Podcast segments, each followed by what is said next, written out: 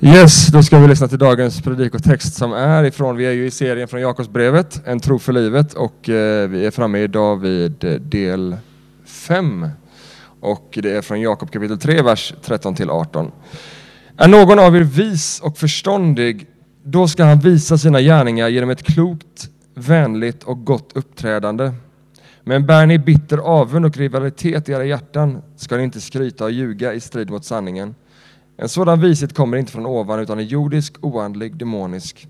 För där det finns avund och rivalitet, där finns också oordning och all slags ondska. Men visheten från ovan är först och främst ren, dessutom fredlig, mild, följsam, full av barmhärtighet och goda frukter, opartisk och uppriktig. Rättfärdighetens frukt sås i frid och ges åt dem som skapar frid. Så lyder Herrens ord. Låt oss be. Herre. Herre, du är god, Herre, och vi ber nu att du ska komma med din vind och blåsa liv i våra hjärtan, i våra sinnen, Herre. Herre, vi ber att denna stunden ska du komma med din frid och din glädje, Herre. Allt som har försökt stjäla vår glädje, Herre, ska du avslöja, Herre. Och vi ber att vi nu ska finna en plats där vi är trygga och finner ro, Herre. Så låt oss nu vända våra blickar från oro och omständigheter och vi får se dig, Herre, och finna hopp och frid i det, Herre. Herre, vi ber att du välsignar oss. Och vi ber att du öppnar våra öron så vi hör vad du säger till oss väl, Herre. I Jesu namn. Amen. Ni får sitta ner.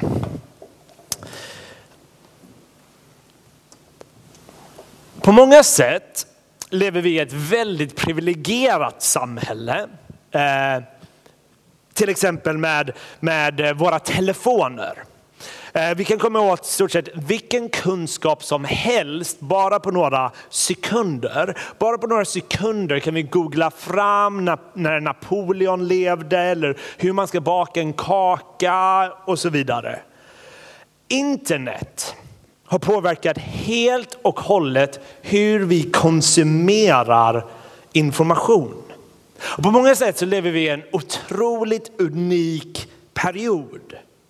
Bara hoppa tillbaka hundra år sedan. Om man skulle ta reda på dessa saker behövde man slå upp någon eh, encyklopedia för att få fram en information. Och bara det var revolutionerande vid den tiden. Att man kunde ha en egen encyklopedia i ett vanligt vardagshem. Ja, det här är grejer som sattes igång på 1700-talet. Det var 1700-talet som man för första gången gjorde encyklopedia där syftet var att man kunde komma åt kunskap lättillgängligt. Och det är ingen slump att detta skedde på 1700-talet. För det är den period som kallas upplysningstiden. Och vid den här tiden så fanns det en idé bland den liksom intellektuella eliten. Det fanns en idé, man kan kalla det en ideologi, som var att bara om vi vet mer, bara om vi har tillräckligt mycket, mer, mycket kunskap kommer vi kunna finna lycka Kommer vi kunna blomstra? Kommer vi kunna lösa människans stora problem, samhällets stora problem? Bara om vi förstår medicin och människans kropp och hur den fungerar kommer vi kunna lösa människans eh, utmaningar. Och på många sätt så har vi åstadkommit otroliga saker. Vi kan flyga, vi kan sätta oss på ett flygplan och flyga över Atlanten. Vi har gjort mediciner som har varit makalösa och kunnat hjälpa flera miljoner människor. Och alla dessa saker är stora välsignelser. Men har all denna kunskap gjort oss lyckliga? Har den kunnat leda till det här blomstrande livet som man påstod på 1700-talet? Sanningen är att rent statistiskt verkar det säga motsatsen. Det senaste seklet var det blodigaste seklet av alla sekel och eh, människor begår självmord mer än i något annat århundrade. Så det tycks att den här jakten av kunskap, även om den har gett oss stora välsignelser, så har den inte kunnat ge den stabilitet vi har längtat och hoppats på.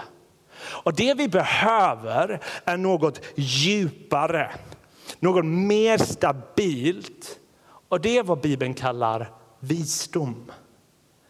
Biblisk visdom tror jag är vad vi verkligen behöver i denna era av information. Där vi inser att information är inte nog för att navigera livet och finna livet. Och därmed så bjuds vi in i dagens text och i hela Bibeln till vad Bibeln kallar sann visdom. Vad är visdom i Bibelns bemärkelse? Visdom är ett makalöst koncept och egentligen en, en, en vision. Visdom i Bibeln är ett sätt att se världen och ett sätt att vara i världen.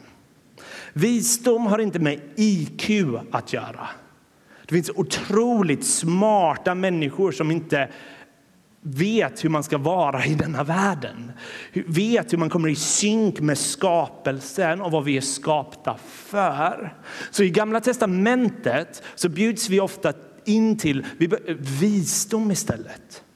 Och i Ordspråksboken som är liksom den största visdomsboken i Bibeln säger den första principen för att finna visdom är, som det står i Ordspråksboken 9, vers 10, att frukta Herren är början till vishet. Att känna den helige är insikt. Alltså visdom i Bibeln är först och främst något relationellt. Det är först och främst någonting relationellt. Det är att man är riktad mot Gud och har med honom att göra. Att i arbete, i relationer, i beslut så är den första man går till är Gud. Att han är den man värdar högst över alla andra. Och Bibeln säger att när vi gör det så kommer vi se världen i ett annat ljus. Vad menar man när man säger frukta Herren?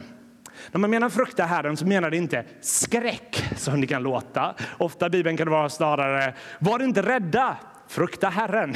Man tycker, hallå, lite dubbla budskap. Det är väl frukta Herren är snarare en, en, en vördnad inför Gud är Gud. Han är mäktig. Han är stor.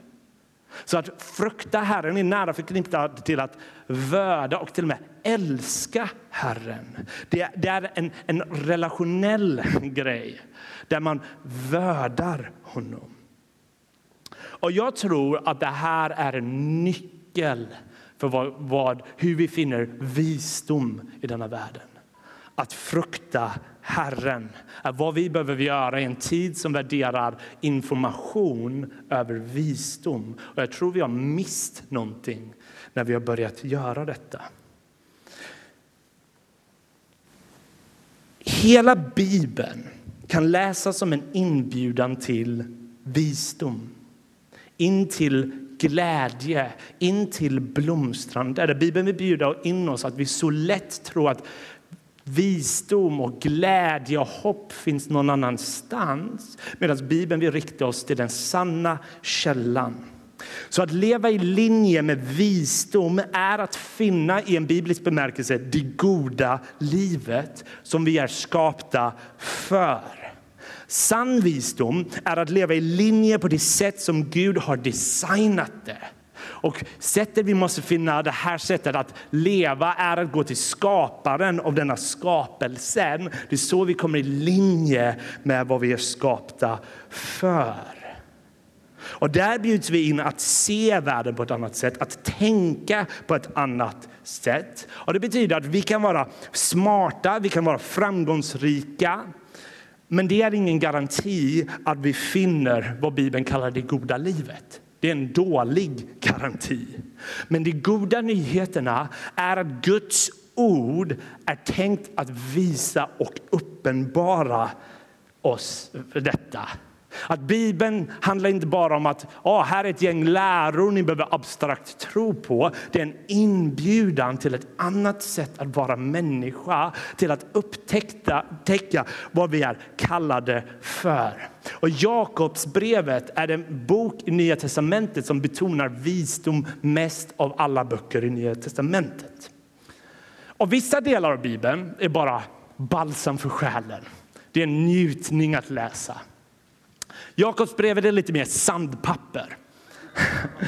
Det kan svida, men det är alltid för att göra det lent och helt. Och så var redo, nu går vi in på lite sandpapper så jag förberett er för att se vad Gud försöker göra helt i våra liv. Så vers 13 står det så här. Är någon av er vis och förståndig, då ska han visa sina gärningar genom ett klokt, vänligt och ett gott uppträdande. Alltså vad han gör är att han bjuder in oss till en fråga. Är du vis? Frågan är inte är du framgångsrik, lyckad, berömd, hög social status, eftertraktad. Inget av det är bevis på att du är vis i en biblisk bemärkelse. Utan Jakob säger att det riktiga beviset avgörs snarare på sättet du lever, avgörs snarare på hur din karaktär är och avgörs om du är ödmjuk, säger den. Den säger att ödmjukhet är vad, hur, hur man upptäcker visdom. Så, så Jakob målar upp två sätt att vara i världen. Ett som är världslig visdom och en som är gudomlig visdom. Så han börjar med den världsliga visdomen. Så I vers 14 så säger han så här. Men bär ni bitter avund och rivalitet i ert hjärta ska ni inte skryta och ljuga i strid mot sanningen. Vad han säger är att ett tecken på att du inte riktigt kommit in i det här sättet att vara människa är om ditt hjärta karaktäriseras av avund, rivalitet och osanning. Så han säger att om du är en människa som lyfter upp dig på en pedestal, sluta med det. Avund är en intressant grej. Jag tror att vi lever i ett svårt samhälle för att inte lockas av avund. Jag är inte avundsjuk över tonåringarna som växer upp nu där hela ens uppväxt är kopplad till Facebook och Instagram. Och Forskare visar gång på gång att människor blir väldigt deprimerade av att gå in på Facebook och Instagram. Inte för Facebook och Instagram i sig självt är fel, för att, snarare för att det leder till jämförelse och avund. Så man fokuserar på vad man inte har. Man ser vad man inte har. Och vi har bjudits in då till ett sätt där vi kan göra saker som var olagligt för hundra år sedan. Staka varandra. Åh, äter du det idag? Hmm, din brorsa, vad jobbar han med? Liksom, vi, kan, vi kan upptäcka vad vi vill på bara några klick. Och det väcker någon form av Oj, de har det där som inte jag har. Och det är inte bara för tonåringar, det är folk i alla åldrar. deras barn, deras man eller hustru, de gör så där på min födelsedag eller vad än det må vara. Och det väcker avund om man börjar jämföra sig, om man vill ha deras erfarenhet. Och det leder till jag tycker det engelska ordet resentment är bra. Jag hittade inte bra svenskt ord för det. Men någon form av förbittring. Och frågan är snarare, hur mycket har du bara idag jämfört dig och tänkt på vad du saknar till skillnad från andra?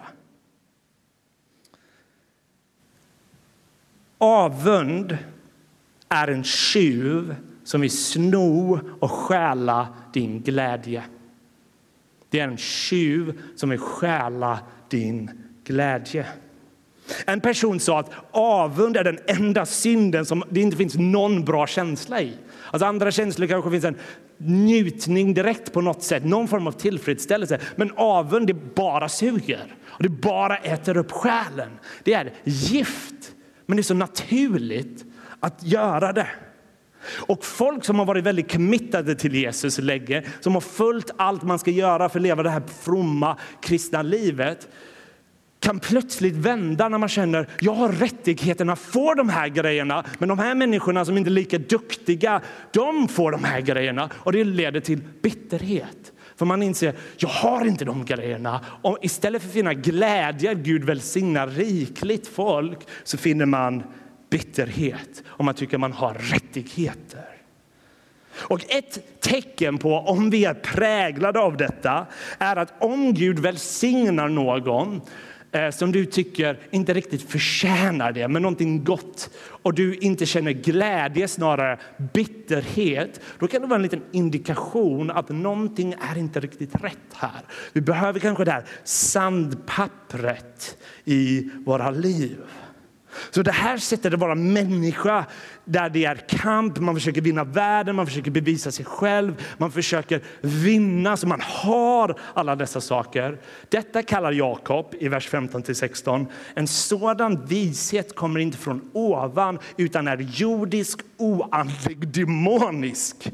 För det finns avund och rivalitet, där finns också oordning och all slags ondska.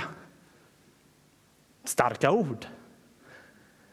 Oandlig och demonisk. Det han säger är att det sättet att vara människa är, är, är, är, inte inspirerat av Gud.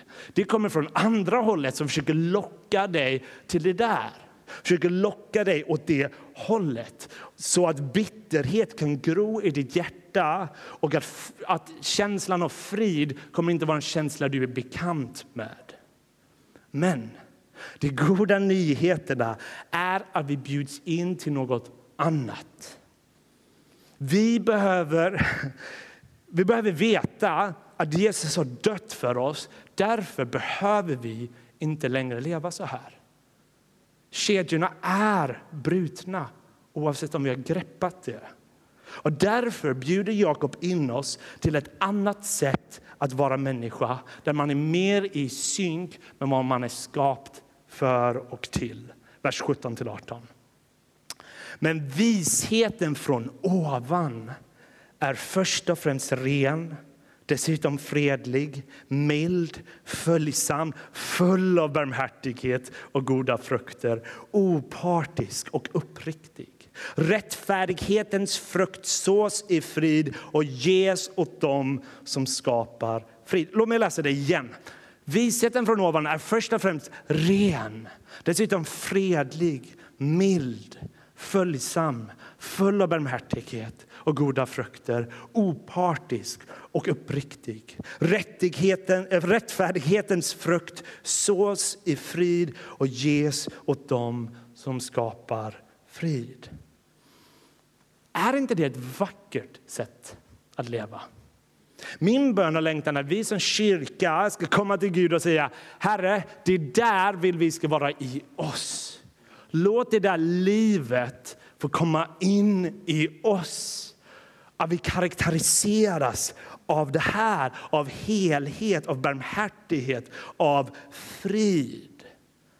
För om vi sår i avund så kommer det leda till alla möjliga kaotiska konsekvenser. Men Jakob säger, säger snarare om, vi, om friden som sås, eh, då kommer det leda till att rättfärdighet är skörden. Helhet är skörden, blomstrande är eh, liksom skörden. Det är liv i överflöd, vad, vad Galaterbrevet 5 kallar andens frukt andens frukt. Det betyder att det här är omöjligt i egen förmåga. Det här behövs Guds kraft i oss för det här ska vara möjligt. För jag kan tänka mig vissa här inne skulle kunna ställa sig frågan bara, åh, fler grejer vi behöver leva upp till.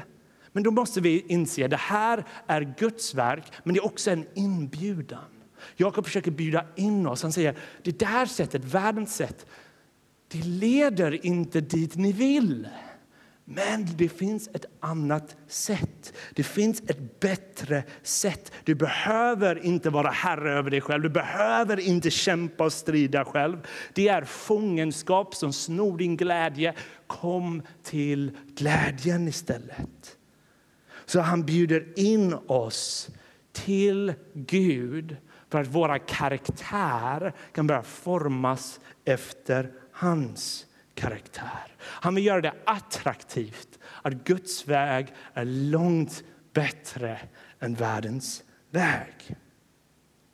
Och därmed så bjuder han in oss till ödmjukhet som innebär att Gud är stor och vi börjar lita på honom och vi inser att vi är inte större och bättre än andra människor och vi behöver inte vinna eller bevisa det. Det finns falsk ödmjukhet där människor vill bara bevisa sin ödmjukhet och bara visa när man bara oh, tar med tv-kameran så visar vi när vi hjälper den här damen över gatan. Liksom så här. Det, det finns falsk ödmjukhet men vi bjuds in till någonting annat som inte för syns skull. Och därför bjuds vi in till de här vackra sakerna som barmhärtighet och frid. Och då tror jag det är viktigt att vi inser att dessa, liksom, eh, våra, liksom dessa drag i våra karaktär, allt det där sker inte över en natt. Absolut, Gud kan göra radikala skiften. Men om man kollar hur Bibeln talar om dessa saker så pratas det ofta om också en process där vi formas mer och mer efter Guds avbild. Och Det är så karaktär fungerar. Karaktär kan inte förvandlas på en natt, men karaktär är någonting som formas steg för steg i kraften av den helige Ande. Och jag tror det är viktigt för jag tror vi lever i en, i en, kultur där vi har stor fascination att allt ska vara autentiskt och äkta. Och mycket av det är fantastiskt. Autenticitet och äkthet, grymt. Men det finns några dåliga grejer med det. För att om vi alltid ska agera utifrån vad som känns äkta och autentiskt och bra så kommer vi göra grejer som kanske inte nödvändigtvis är så bra. För om vi alltid ska följa vår magkänsla, även om det går emot den karaktär vi vill ha, så kanske vi börjar forma efter någonting annat. Snarare så tror jag att en karaktär formas efter tid efter att man väljer kärlek eller väljer barmhärtighet. Även när det känns som att det, det går emot vad du vill. Kärlek är inte enkelt. Kärlek lär vi oss med tiden. Och därmed så tror jag vi behöver komma in i rytmer där vi väljer att säga nej till köttet som kanske vill åt ett annat håll, som vill göra oss här i centrum och väljer kärlek. Och mer och mer vi gör det så kommer vi utan att tänka på det agera i kärlek. Det är så jag tror karaktär formas med tiden. Det blir vår andra natur. Och låt mig här avslutningsvis bara plocka upp tre väldigt snabba punkter av hur jag tror Gud bjuder in oss. Det här är tre av väldigt många punkter man har kunnat lyfta upp. Men tre olika punkter där vi bjuds in till eh, Guds visdom och leva i ödmjukhet och barmhärtighet. Första är lev i tacksamhet. Det är så enkelt att vi väljer liv som fokuserar på vad vi inte har. Men därför är det så slående när man träffar människor som lever i tacksamhet. Där människor har så drabbats av Guds nåd som man uppskattar när man är frisk, man uppskattar när man kan, kan köpa mat, man känner uppskattning. Och när det går väl för andra känner man glädje och välsignelse istället för avund. Sådana människor tycks ha så drabbats av Guds generositet så de kan inte inte upptäcka Guds nåd i människors liv. Och om det förhållningssättet, om du känner det där finns inte i mig, det där förhållningssättet, så tror jag det du och jag behöver göra då är att gå tillbaka till evangeliet, se att Kristus har gett allt. Hur Fadern sände sin son för oss och att vi lär oss att se Guds generositet i världen. Jag tror vi behöver lära oss se Guds generositet i världen. Han är generös mot de som inte tror på honom. Han är generös mot de som tror på honom. Och det, det är där jag tror vi kan fyllas med tacksamhet som leder till frid. Och frid leder sen till tacksamhet. Och tacksamhet leder sen till frid. Och sen frid till tacksamhet. De liksom fyller på varandra. Och det är därför avund och stolthet är gift mot glädje. För det dödar allt det där. Men vi bjuds in istället för ett annat sätt att vara. Där vi finner tacksamhet för det vi har. Och finner glädje i det där. Och därför kan det vara lämpligt om du är här och känner stort, en stor nöd för detta att komma till Herren och säga Herre, lär mig att se din generositet. Jag kan inte se den. Jag kan inte känna glädje för vad jag har. Herre, lär mig att se det. Lär mig tacksamhet. Och du kanske behöver läsa Saltaren som har mängder av böner om tacksamhet.